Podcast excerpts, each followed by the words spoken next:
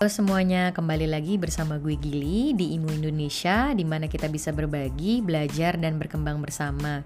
Kali ini gue kedatangan tamu spesial yaitu Joshua Setiawan, seorang founder daripada sebuah music entertainment. Nah, di sini beliau membagikan ceritanya mengenai perjalanan karir musiknya sampai menjadi seorang music entrepreneur. Nah, di sini beliau juga berhasil mematahkan stigma kalau jadi musisi mau makannya dari mana. Nah, penasaran kan teman-teman? Yuk kita langsung aja. Juan, halo Joshua, apa kabar? Halo, apa kabar? Baik, baik. baik. Ibu, ibu guru, ibu guru piano. Terima kasih loh buat waktunya udah nyempatin jadi narsumnya Ibu hari ini. Sama-sama, anytime Ibu. Gimana, gimana? Oke. Pak, cerita-cerita ya Pak ya, biar sharing-sharing yes. sama teman-teman Imu di sini. Boleh dong. Lu waktu dulu Pak, uh -uh, ngambil jurusan musik tuh pas kuliah tuh. Hmm. Lu tuh itu pilihan lu sendiri atau disuruh orang tua atau gimana tuh? Gua benernya sih dulu tuh background gue jadi musisi tuh gue benernya nggak suka sama musik awalnya. Jadi gue umur 4 tahun gue dipaksa les piano sama bonyok gue sama orang tua. Terus umur 5 tahun dipaksa les drum. Nah semua tuh dipaksa. Gue nggak pernah mau. Maksudnya gue selalu cari alasan untuk nggak les. Dari kecil dari kecil gue nggak suka banget.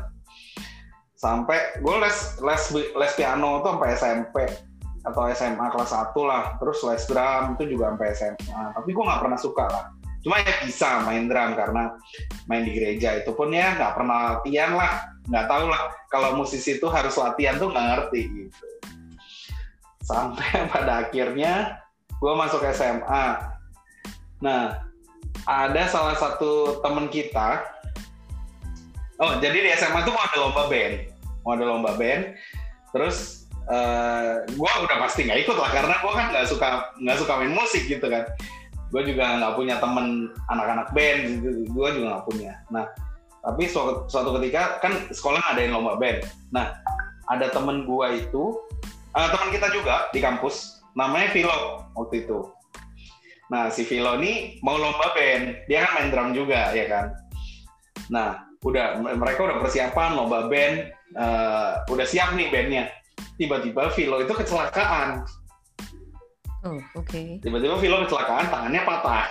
Kecelakaan motor. Nah, nggak tahu gimana ceritanya, ada satu gitaris di bandnya Vilo itu tiba-tiba datengin gua ke kelas. Jos, minta tolong banget nih ganti apa main drum yuk, kita lomba band gitu kan. Gila, gue seumur hidup nggak pernah lomba band kan. dan dan ya ya yang gue bilang itu gue nggak suka main musik gitu. Ya gue main musik ya sekedar di gereja doang. Gitu terus uh, akhirnya uh, dia minta tolong akhirnya ya udah gue iyain gue coba gitu. Gue coba akhirnya gue ikut lah lomba band itu singkat cerita bandnya juara dua. Hmm. bandnya juara dua kan singkat cerita. Band kita juara dua terus uh, gue dapet the best drummer. Pada saat hmm. itu gue kayak gila.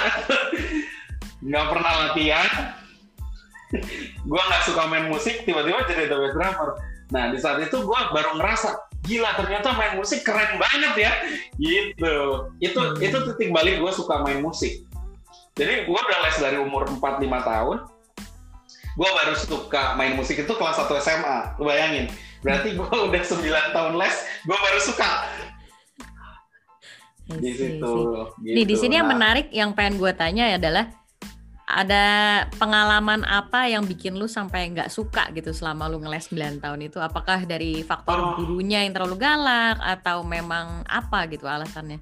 Uh, mungkin kar uh, karena namanya anak kecil ya, umur 4-5 tahun. Dan gue tuh suka uh, untuk ukuran anak kecil pada saat itu tuh gue suka keluar rumah untuk main bola, untuk main di lapangan, untuk main di jalan tuh gue suka banget. Jadi Eh, menurut gue les itu membuang waktu gue, membuang waktu bermain gue. Pertama itu. Terus kedua uh, ada faktor juga guru piano gue awal-awal tuh cukup nggak nggak galak sih. uh, guru piano gue fine gue dulu KMA piano tuh KMA di Yamaha jadi lesnya kayak bareng-bareng gitu bareng kalau lo tau bareng Marta gue dulu tuh bareng Marta lesnya satu satu KMA Yamaha itu gue mungkin sekitar dua tahun kali ya KMA itu. Habis itu uh, private kan ketemu guru. Nah itu maminya Marta gue les sama maminya Marta nah itu maminya Marta cukup galak sih menurut gue buat gue pada saat itu. Ya anjir gue udah nggak suka kan?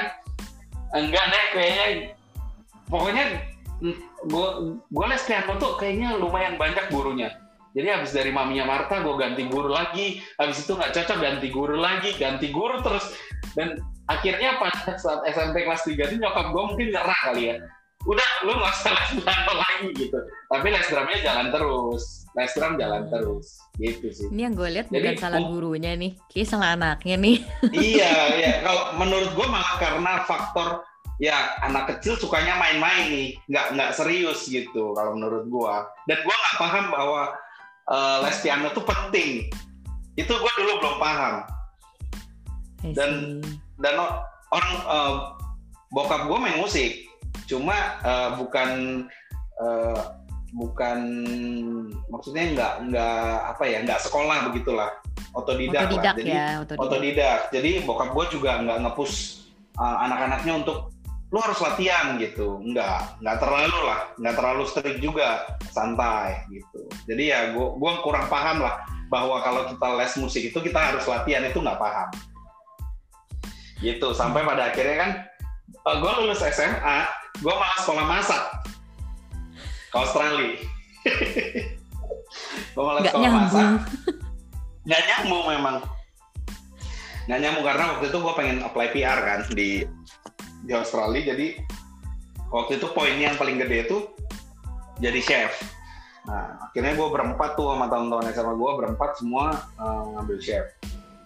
Enam bulan gue sekolah peraturannya ganti. Chef nggak bisa ambil PR lagi. Ya udah gue udah nggak punya tujuan kan?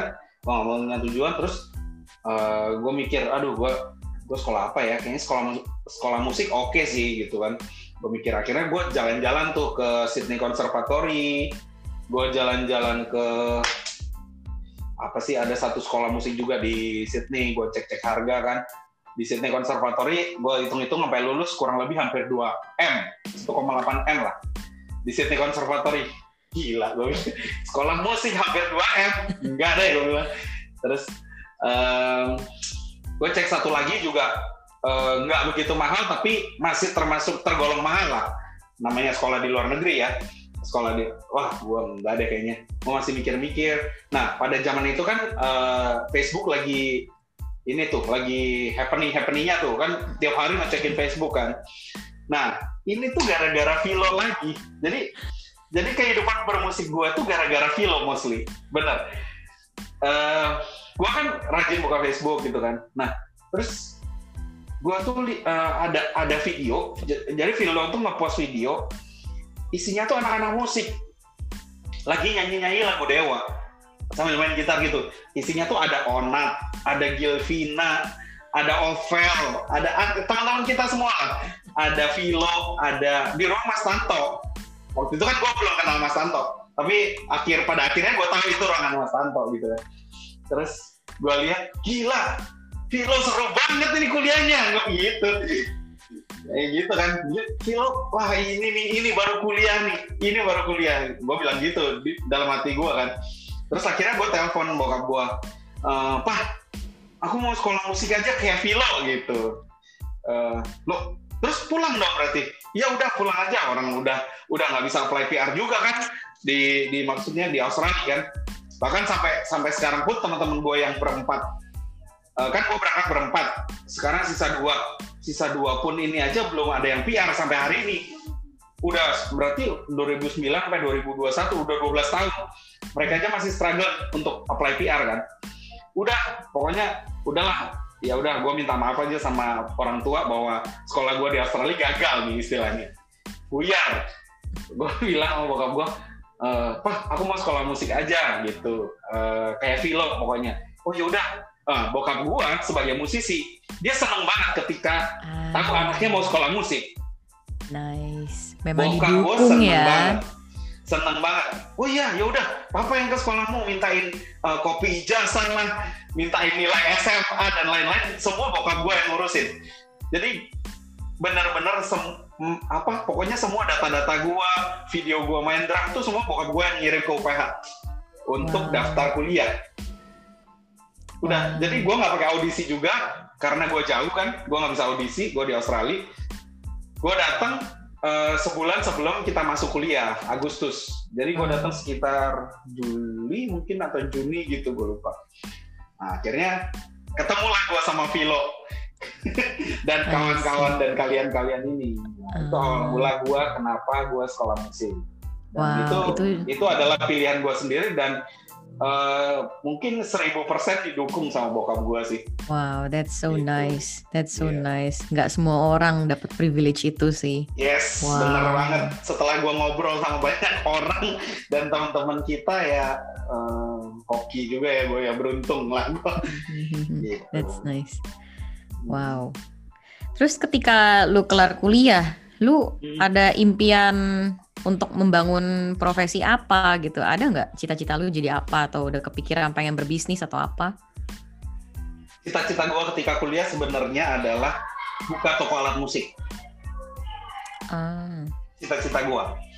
Gue uh, karena gue cukup uh, ketika kuliah ya, ketika ketika masuk kuliah 2010 tuh gue cukup suka ngumpulin karena gue drummer, gue cukup suka ngumpulin snare drum, gue cukup suka ngumpulin simbal gitu-gitu. Kayak kayak gue cukup paham lah dengan dengan jir-jir alat uh, instrumen instrumen-instrumen yang kita butuhkan untuk untuk main musik gitu. Gue cukup paham. Setiap ada pameran gede di Jakarta gue pasti datang dan gue pasti nabung untuk beli sesuatu itu alat musik selalu. Jadi wah gue gue pengen banget nih gue ingat banget uh, cita-cita gue tuh waktu itu keren sih kalau uh, kita di Indonesia punya toko alat musik kayak software gue mikirnya kayak gitu. Hmm. kayak di luar negeri kan orang ke toko alat musik tuh kayak banyak alat gitu kayak lu bisa cobain semuanya. Itu kayak gila itu itu impian gue waktu itu waktu waktu kuliah gitu. Dan gue sadar itu butuh modal yang sangat besar sih gitu. Ya impian gue waktu kuliah itu gitu hmm. sih sama ya mungkin ngejalanin sekolah musik juga pernah terpikir sih cuma pada saat 2012 gua diajak sama Kevin sama Wesu untuk buka entertainment waktu itu namanya Bi Entertainment. Uh, I see, I see. Itu 2012. Berarti, tapi setelah kuliah nih, setelah kuliah lu ada profesi impian juga selain buka toko musik itu gitu. Profesi impian?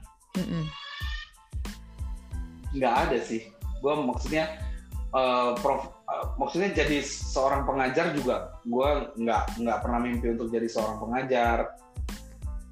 I see. Apa ya gue impian nih ya impian gue adalah berbisnis sih sebenarnya. Bagaimana menghasilkan uang Lebih. melalui musik itu sih impian gue nggak tahu sih itu termasuk impian atau enggak soalnya kadang-kadang uh, bagi teman-teman kita nih, uh, mostly yang klasik ya, anak-anak piano klasik tuh, uh, eh, gue lihat kayak beberapa yang gue tanya itu impian impian lu apa nih uh, uh, untuk uh, apa? Lu kan jadi musisi terus impian lu apa? Iya nih, gue pengen main di uh, orkestra hall mana gitu, main di hall mana di opera house, gue pengen main di sini, gue pengen main di situ. Nah, buat gue sih, gue nggak ada sih impian kayak gitu, gitu. Jadi ya impian gue ya bagaimana menghasilkan uang dari bagaimana untuk berbisnis dari musik itu sendiri menurut gue. Itu impian gue. Nice, nice, nice. Berarti seperti yang tadi lu bilang, lu kan ini kan uh, pas kuliah juga ngambil jurusan performance ya. Performance hmm. ya, bener ya? Mm-mm. Performance. Berarti nggak sama sekali nggak ada terlintas kepikiran buat jadi edukator tuh nggak ada. Memanage sebuah sekolah musik? Iya. Tapi untuk mengajar enggak. Ah gua. I see I see. Pernah nyobain iya. nggak ya. tapi? Pernah. Gue pernah ngajar di Aminato Aminato Kosin Music School yang di Karawaci. Mm -hmm. pernah. Terus ngajar private juga beberapa kali pernah.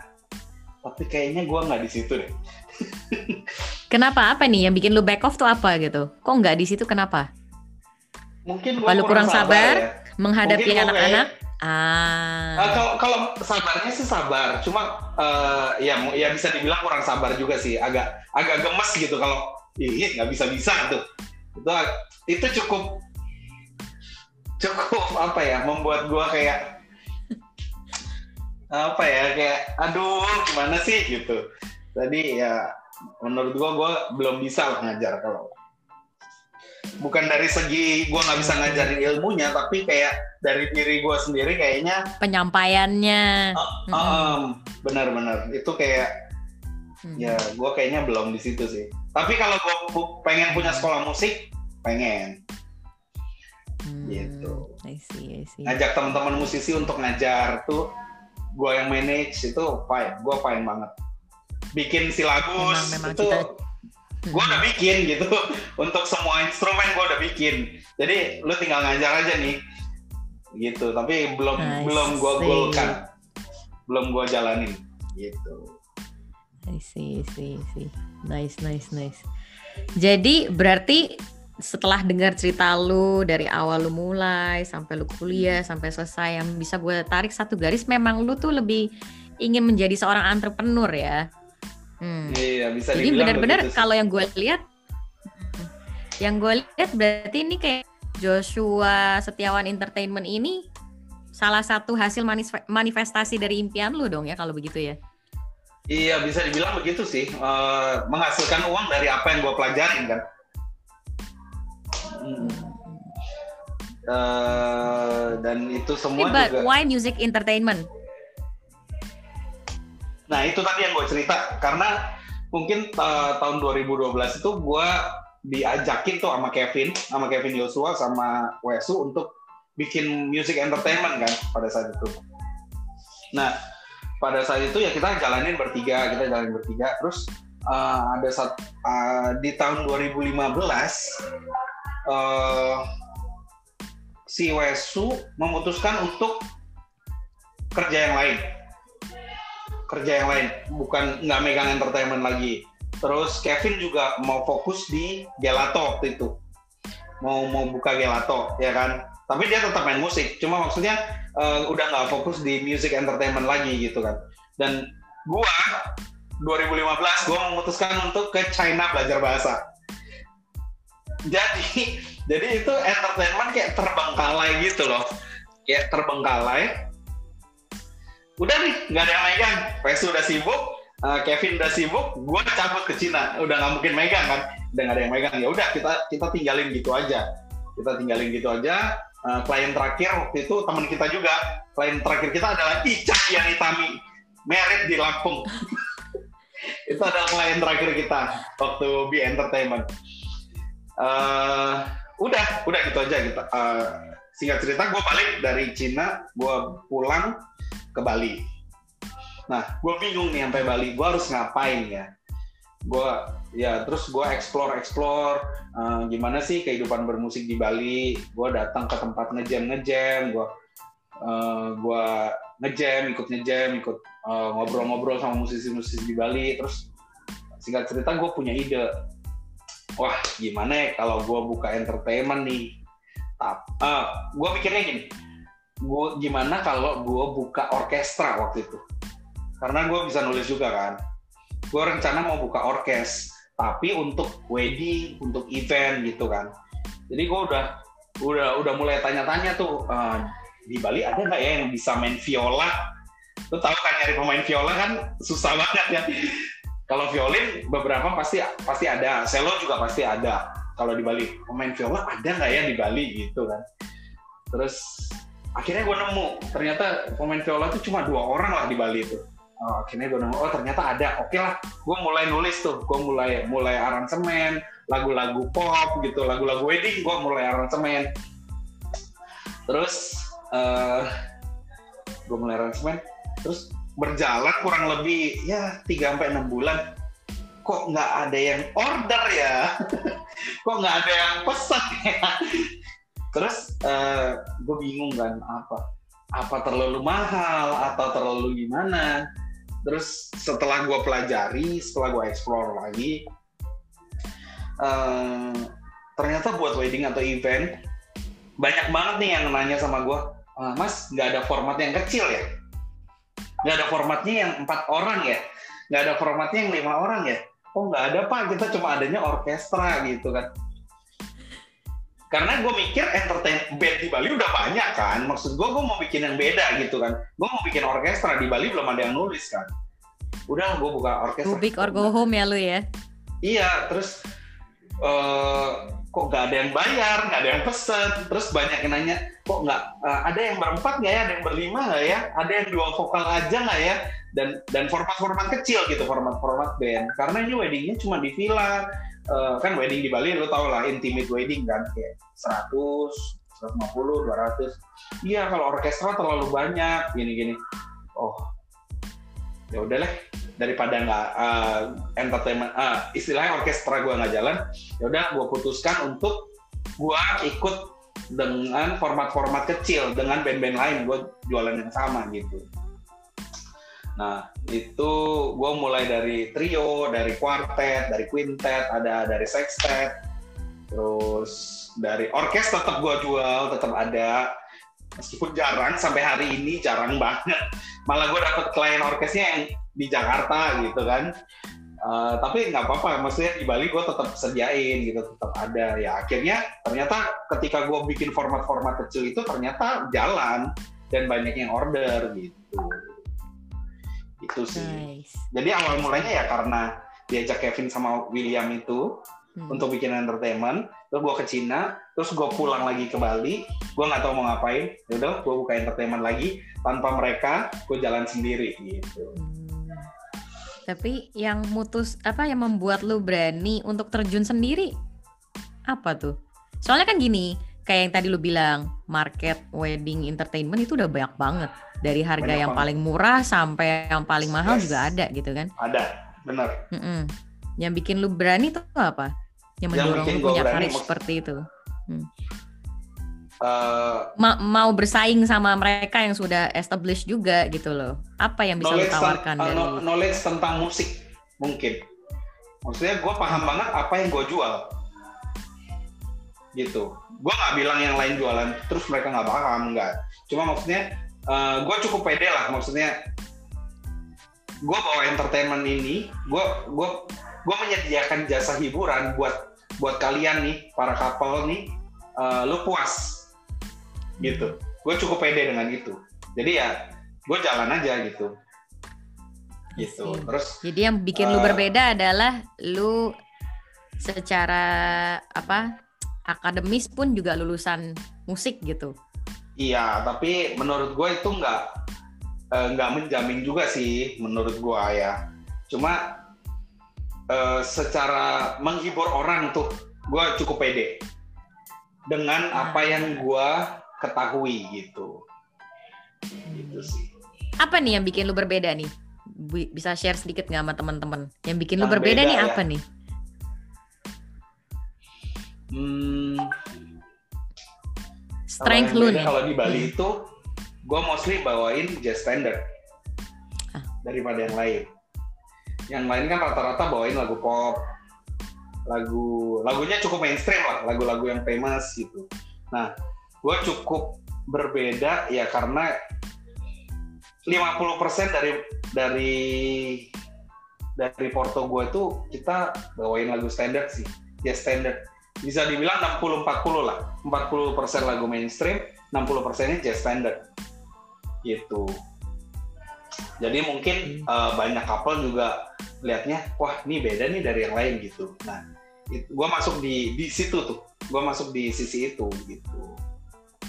Hmm. Jadi lu menjual sesuatu yang berbeda dari pasaran. Yes. Itu yang bikin beda ya? Iya, kalau enggak kan sama aja. Dan mostly singer-singer gue kan juga nyanyi di entertainment lain gitu loh. Kalau lu nggak musiknya nggak beda, ya lu bisa bayar. Mungkin maksudnya ada yang jual lebih murah, ada yang jual lebih mahal. Ya, kenapa harus ngambil lu gitu? Kan ada nih yang lebih murah dengan singer yang sama gitu. gitu Hmm. Karena semua singer gua freelance memang. Dia boleh nyanyi di mana aja. Jadi apa yang beda ya musiknya harus beda sama yang lain. Nice, nice, nice. Ini lu sebagai seorang founder, sebagai seorang owner, lu semua yang arrange ini semua kan? Lu Gua semua. balik lagi tadi lu bilang, mm-mm. lu bilang singer-singer tadi apa freelancer, ya Hmm. kan? Bukan bukan ini ya, bukan apa di hire secara memang dipakai terus-terusan nama JSE ini dong, ya kan? Mereka Hmm. boleh kerja di tempat lain juga kan? Boleh, boleh banget. Nah, Hmm. lu ngalamin kesulitan apa nggak sih waktu menyeleksi performer-performer ini yang pengen lu hire ketika lu mau ada event-event ini nih? Kalau seleksi sih gampang sebenarnya. Gue lihat mereka perform, gue suka, eh, mereka musikal, pasti gue ajak. Oke. Intinya, Ini kan secara eh, musikal. Heeh. Kalau se- secara Secara attitude nih? kerja atau yang lain-lain? Eh, mungkin awalnya kalau namanya kenalan ya, kita belum bisa tahu sih sebenarnya. Maksudnya kita tahu attitude ini kayak apa. Mungkin ya kalau ada dengar-dengar dari cerita orang ya bisa. Cuma kan misalnya kita kenalan sama satu orang yang kita belum pernah kenal tuh, terus misalnya dia bisa nyanyi atau dia bisa main gitar atau dia bisa main saxophone, kita kan nggak tahu memang attitude-nya gimana. Cuma seiring berjalannya waktu itu akan kesaring sendiri sih menurut gua. Jadi misalnya udah gua ajak nih, terus uh, gua ajak yang kedua, gua ajak yang ketiga kan otomatis kita udah tahu nih, oh orangnya tuh ternyata kayak gini ya gitu. Gitu sih. Kalau dari segi musikalitas udah jelas, maksudnya gua pernah lihat dia perform, gua pernah lihat video dia main, uh, ya itu itu udah kayak audisi kan, maksudnya gua gua udah bisa menilai sendiri intinya gitu. Cuma kalau dari segi attitude ya ya seiring berjalannya waktu sih itu kita nilainya Hmm, Oke, tapi gitu. kan di sini kan berarti leadership lu diperlukan kan untuk me- mengelit sekelompok orang ini gitu dari Iya. background yang berbeda-beda untuk Yes. perform di satu event, bener nggak? Nah, Benar. ada nggak downsides-nya waktu lu mau mau ngelit uh, kelompok ini gitu supaya bisa Mhm. kerjasamanya lebih baik gitu? Susahnya apa? maksudnya? Kesusahannya. Kesusahannya adalah ketik karena mereka semua freelancer, eh, jadinya sering tabrakan jadwal udah pasti. Itu udah pasti ya. Oke. Tabrakan jadwal itu udah pasti. Terus nggak ada sih musisi gue baik-baik semua nggak ada nggak ada masalah Ah. apa-apa yang berarti ya kecuali tabrakan jadwal aja sih paling Hmm, gitu Nice, nice. dan di Bali Oke, oke. eh, karena jaraknya nggak terlalu jauh-jauh gue ngomong di Bali ya gue nggak mau nggak ngomongin di Jakarta. Kalau di Bali itu eh, karena jaraknya nggak jauh jadi kita spend time untuk latihan tuh mereka fine juga gitu. Nah, tapi kalau di Jakarta eh, kan kita butuh biaya untuk latihan transportasi itu kan kita butuh keluar biaya gitu. Kalau di Bali sih nggak terlalu karena kan ya ongkos transport juga nggak mahal nggak macet juga gitu itu sih kesusahannya ya karena karena gua nggak punya istilahnya pegawai tetap istilahnya pegawai tetap gua nggak punya jadi ya eh, kalau bisa gua bu mereka as soon as possible gitu aja biar nggak biar nggak tabrakan jadwalnya I see. begitu Jadi kalau misalnya teman-teman imu gini, wah gue pengen nih kayak si Joshua nih gitu untuk mulai Hmm. bidang entertainment ini gitu. Hmm. Ada tips nggak? Harus invest apa aja gitu? harus invest apa nih ya menurut gua Hmm. yang paling gede itu gua invest adalah di biaya iklan itu gede banget Ah, menurut menurut eh, gue hitung-hitung biaya gue iklan biaya gue pameran itu udah kayak sewa satu ruko dalam satu tahun wow, oke. cukup lumayan menurut gue ya bagi eh, pemula bisnis pemula menurut gue udah cukup lumayan gitu pengeluarannya. Jadi yang jelas lu kalau mau ya gini gue juga selalu push tim gue tim yang gue ajak untuk eh, apa di entertainment gue ini untuk bikin entertainment sendiri. Gue push mereka ayo lu lu do bisnis gitu. Lu bikin entertainment juga. Nggak masalah gue nggak gue nggak apa-apa lu punya sendiri lu kalau semua orang punya entertainment semua orang bisa saling ngajak temennya uh, untuk kerja gitu menurut gua. Lu nggak apa-apa. Malah gua kasih tipsnya gua kasih tahu lu lu harus begini lu harus keluar duit sekian. Kalau lu punya modal lu berani bayar lu bayar. Uh, kita kan punya apa sih uh, platform untuk uh, jadi vendor wedding itu namanya Bright Story kalau lu tahu. Nah, mostly klien gue kebanyakan dari Bright Story itu. Nah, itu kan setiap tahunnya kita harus bayar. Mungkin buat dua kota sekitar hampir 20 juta lah per tahun untuk taruh brand kita di website tersebut. Itu hampir 20 juta. Uh, terus pameran.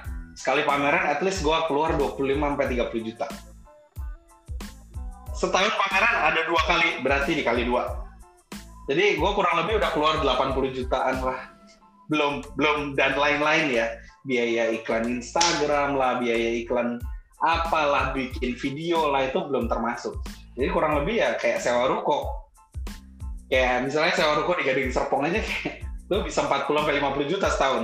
Nah sedangkan gue keluar keluar biaya itu hampir bisa dibilang cepet 100 juta setahun gitu. Nah, menurut gua uh, yang berat itu dalam dalam membangun bisnis ini. Biaya advertising ya? Yes, itu berat banget menurut gua untuk awal ya. Untuk awal. Gitu. Jadi tetap ada jadi misalnya dia ngomong, "Oh iya enak ya uh, Joshua uh, cuannya banyak nih, bayar player cuma sekian, cuannya sekian." lu nggak tahu kan biaya yang gue keluarin gitu loh ya kan lu nggak tahu gue waktu keluarin biaya pameran atau biaya bright story kan gue nggak minta lu patungan nih ya kan? Kalau lu tahu uh, mungkin lu akan nolak ketika gue minta duit. Eh minta duit dong gue cap kita bagi dua nih. Biar biar ringan gue gitu. Belum tentu lu mau kan gitu. Nah, gitu selain biaya biaya advertisingnya begitu gede gitu, ada hmm. harus invest apa lagi nggak? Alat kah? Atau mesin lain kah gitu? Gue semua outsourcing. Ah, Rekaman gue di studio, studionya orang, gue bayar. Terus karena gue juga nggak nggak, maksudnya di bidang di bidang apa? Recording kan gue juga nggak terlalu dalemin. Jadi gue pasti mixing mastering sama orang. Terus di studio gue juga gue pasti uh, pakai studionya orang. Paling kalau lu mau hemat biaya lu punya kamera atau GoPro. Jadi ketika lu wedding lu bisa kayak rekam sendiri. Itu cukup menghemat biaya sih. Paling itu aja. Sama tentunya alat musik lu masing-masing ya. Kalau lu main drum ya lu modal lah di drum. Lu main bass lu modal di bass. Ya itu udah pasti sih. Kalau lu main musik lu pasti punya alatnya. Sih sih. Jadi outsourcing jadi, ya, ya kalau udah menyangkut instrumen ya. Iya benar. Semuanya outsourcing gua nice nice nice wow gue aja jadi yang guru musik piano gitu jadi belajar banyak nih sama si bapak cuan ini nih enggak lah Oke, okay, sama okay. kita Aduh, si bapak Bukan ini. sekolah musik kan juga modalnya Jadi, gede kali. iya, pasti dong. Nah, Iyalah. jadi ada tips nggak yang bisa lu bagiin ke teman-teman buat teman-teman imu di sini kalau mereka pengen ngerintis juga harus siap Bisnis mental kah atau apa nih? Jangan apa yang bisa lu berikan? Tips gua lu harus tahu apa yang lu jual. Lu harus paham apa yang lu jual. Jadi gini kita kan main musik tuh ada spesialisasinya kan ada orang yang suka main jazz ada orang yang suka main pop ada orang yang suka main latin ada orang yang suka main klasik gitu sebelum lo jual uh, misalnya gue jual musik jazz sebelum gue jual musik jazz gue harus paham dulu uh, musik jazz tuh kayak apa gitu gitu menurut gue karena uh, ketika klien nanya nih misalnya uh, lo bisa jelasin dengan detail gitu apa nih uh, yang lu jual gitu. Jadi nggak kayak iya pokoknya ini nanti yang nyanyi si A, yang A ini bagus deh nyanyinya. Udah gitu doang. Udah. Terus ya yang B juga bagus, yang C juga bagus, yang D juga bagus. Apa bedanya vokalis A dan B dan C dan D gitu. Nah, karena gue paham, gue bisa jelasin, oh si Ani spesialisasinya dia nyanyi standar nih, dia cocok nih nyanyi lagu-lagu contohnya begini. Si B ini contoh uh, cocoknya nyanyi Latin nih, dia uh, bagus banget uh, kalau nyanyi Latin. Terus si C cocoknya nyanyi lagu pop, uh, repertoarnya banyak kan lagu pop gitu. Jadi, jadi lu bisa jelasin lah apa yang lu jual intinya begitu. Menurut gue, kalau lu nggak ngerti apa yang lu jual, mending jangan gitu. Gitu. I see, I see. Kenali produkmu dulu baru kau jual. Yes. Itu Apalagi musik ya, kan? Pak ya. Apalagi musik kan. Ya kan lu tahu sendiri. Maksudnya kita bukan jualan kayak saya kita jualan genset nih. Ya, kita semua orang tahu genset gitu misalnya. Gunanya apa? Gunanya untuk cadangan listrik misalnya gitu. Udah gitu doang. Oke oke menarik banget ini ngobrol sama si bapak si bapak Acuan ini ya bapak Acuan. Aduh, kota nih. nih Jadi, jadi Acuan. dengan iya jadi tapi ini apa namanya dengan lu sharing knowledge seperti ini gue seneng banget gitu jadi teman-teman bisa belajar banyak untuk bisa matahin stigma seperti ini kan banyak kan maksudnya orang-orang yang masih nggak Hmm. ngerti mempunyai pandangan kalau eh, misalkan orang tuh kuliah musik atau musisi gitu kan Lu mau jadi itu apa? tuh ah, ah, itu selalu menjadi pertanyaan kan bahkan Iya. kalau lu tahu sendiri salah satu teman kita nih eh, beliau mengundurkan diri dari perkuliahan musik simply karena apa waktu itu kalau nggak salah calon mertuanya ya memandang beliau dengan sebelah mata gitu ya kan? Hmm. jadinya dia hengkang dari dia berbisnis jadi dia banting setir dia tinggalin deh kuliah musik itu gitu. Padahal kalau mau diseriusin kalau kita mau pikir matang-matang kayak lu gitu kan bisa aja diakalin gitu kan untuk menjadi sebuah pendapatan nafkah yang baik gitu loh Iya. Ya nggak sih? Bisa aja. Ya menurut gua banyak faktor juga sih.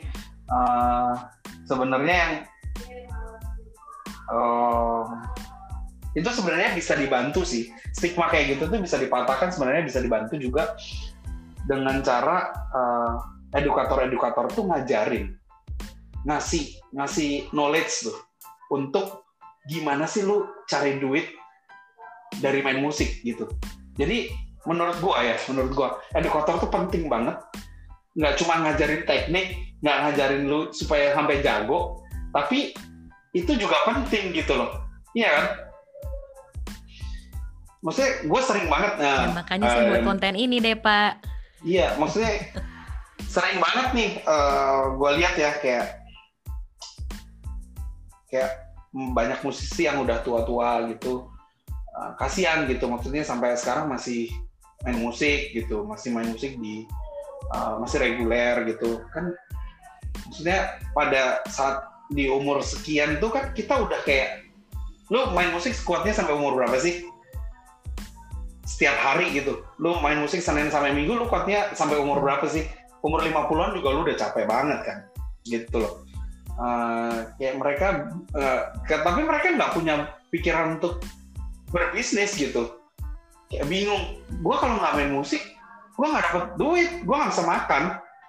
Gimana lagi ya? Gua mau nggak mau gua tetap main musik gitu sampai akhir hayatnya gitu Hmm.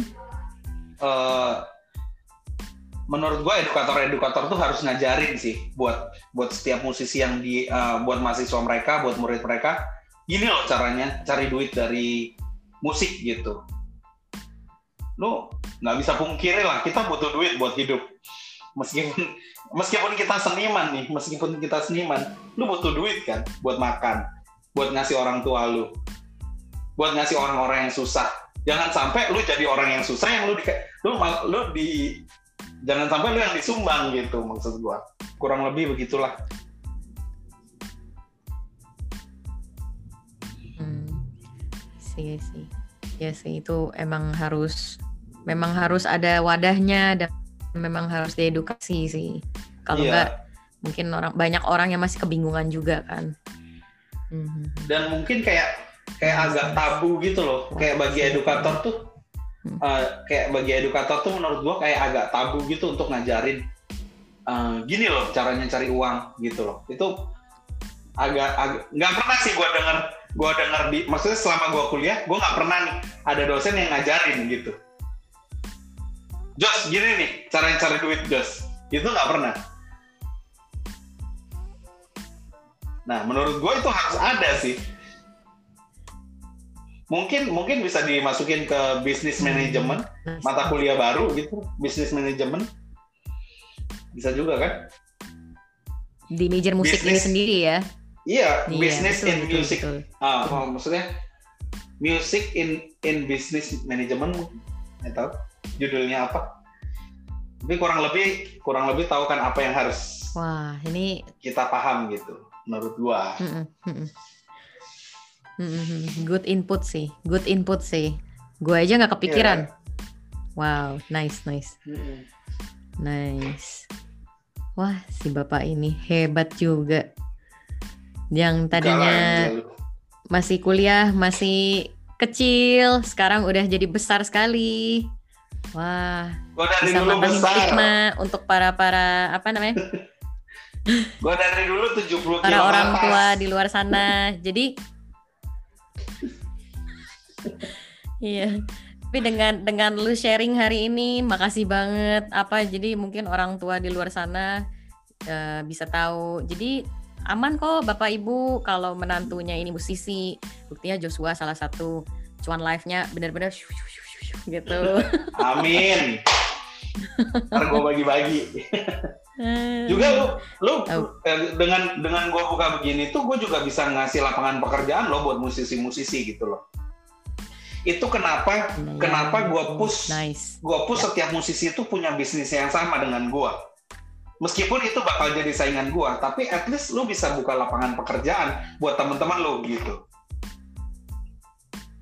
gue terbatas dong ngasih kerjaan misalnya nih gue sehari dua hmm. wedding masing-masing empat empat orang gue cuma bisa ngasih delapan gue cuma bisa ngasih delapan orang pekerjaan ya kan Nah, kalau misalnya lu buka, ini gue ngomongin untuk musisi ya, gue gua nggak ngomongin uh, orang yang bukan musisi untuk buka entertainment. Gue ngomongin musisi buka entertainment.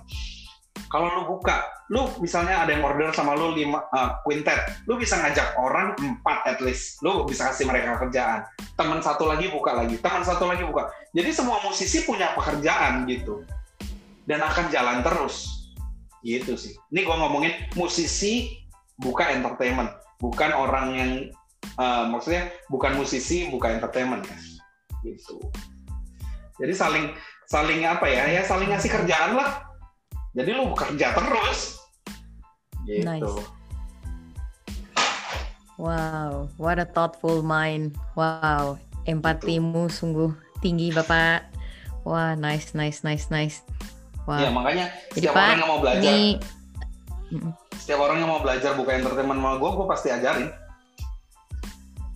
pasti gue kasih tahu Asik. harus lu harus ngapain lu harus ngapain gue pasti kasih tahu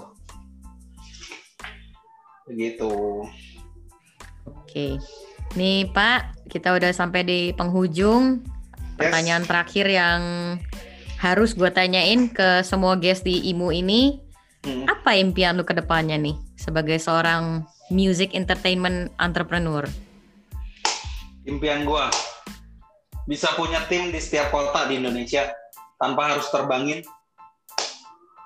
Uh. Jadi sementara ini uh, eh, gue udah ada empat kota, Semarang, Surabaya, Jakarta, Bali. Tanpa lo harus terbangin pesawat musisinya. Jadi itu nggak nambah biaya lagi buat kapal-kapal kan. Itu.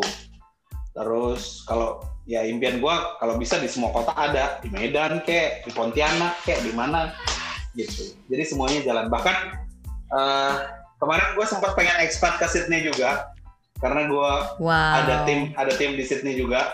Cuma belum karena COVID, jadi gue gue tunda dulu lah sementara. Tapi mungkin soon lah akhir tahun ini atau tahun depan Sydney udah ada cabang. Nice, nice. Ya, itu impian gue. Impian gue di setiap kota gue punya tim. Nice, nice. Wow. Sukses terus Pak, pasti bisa. Nice. Semoga. Wah, Pak, makasih Yes. banget buat Thank you. waktunya, buat Bu Guru. kesempatannya, mau sharing-sharing sama teman-teman IMU di sini. Pak, nih nih, kalau ada dapat pertanyaan dari teman-teman IMU nanti, Hmm. gue mau dong konsultasi nih sama si Joshua tuh, boleh nih tentang business management and so on atau yang wedding entertainment begitu. Mesti hubungin Bapak ke mana nih?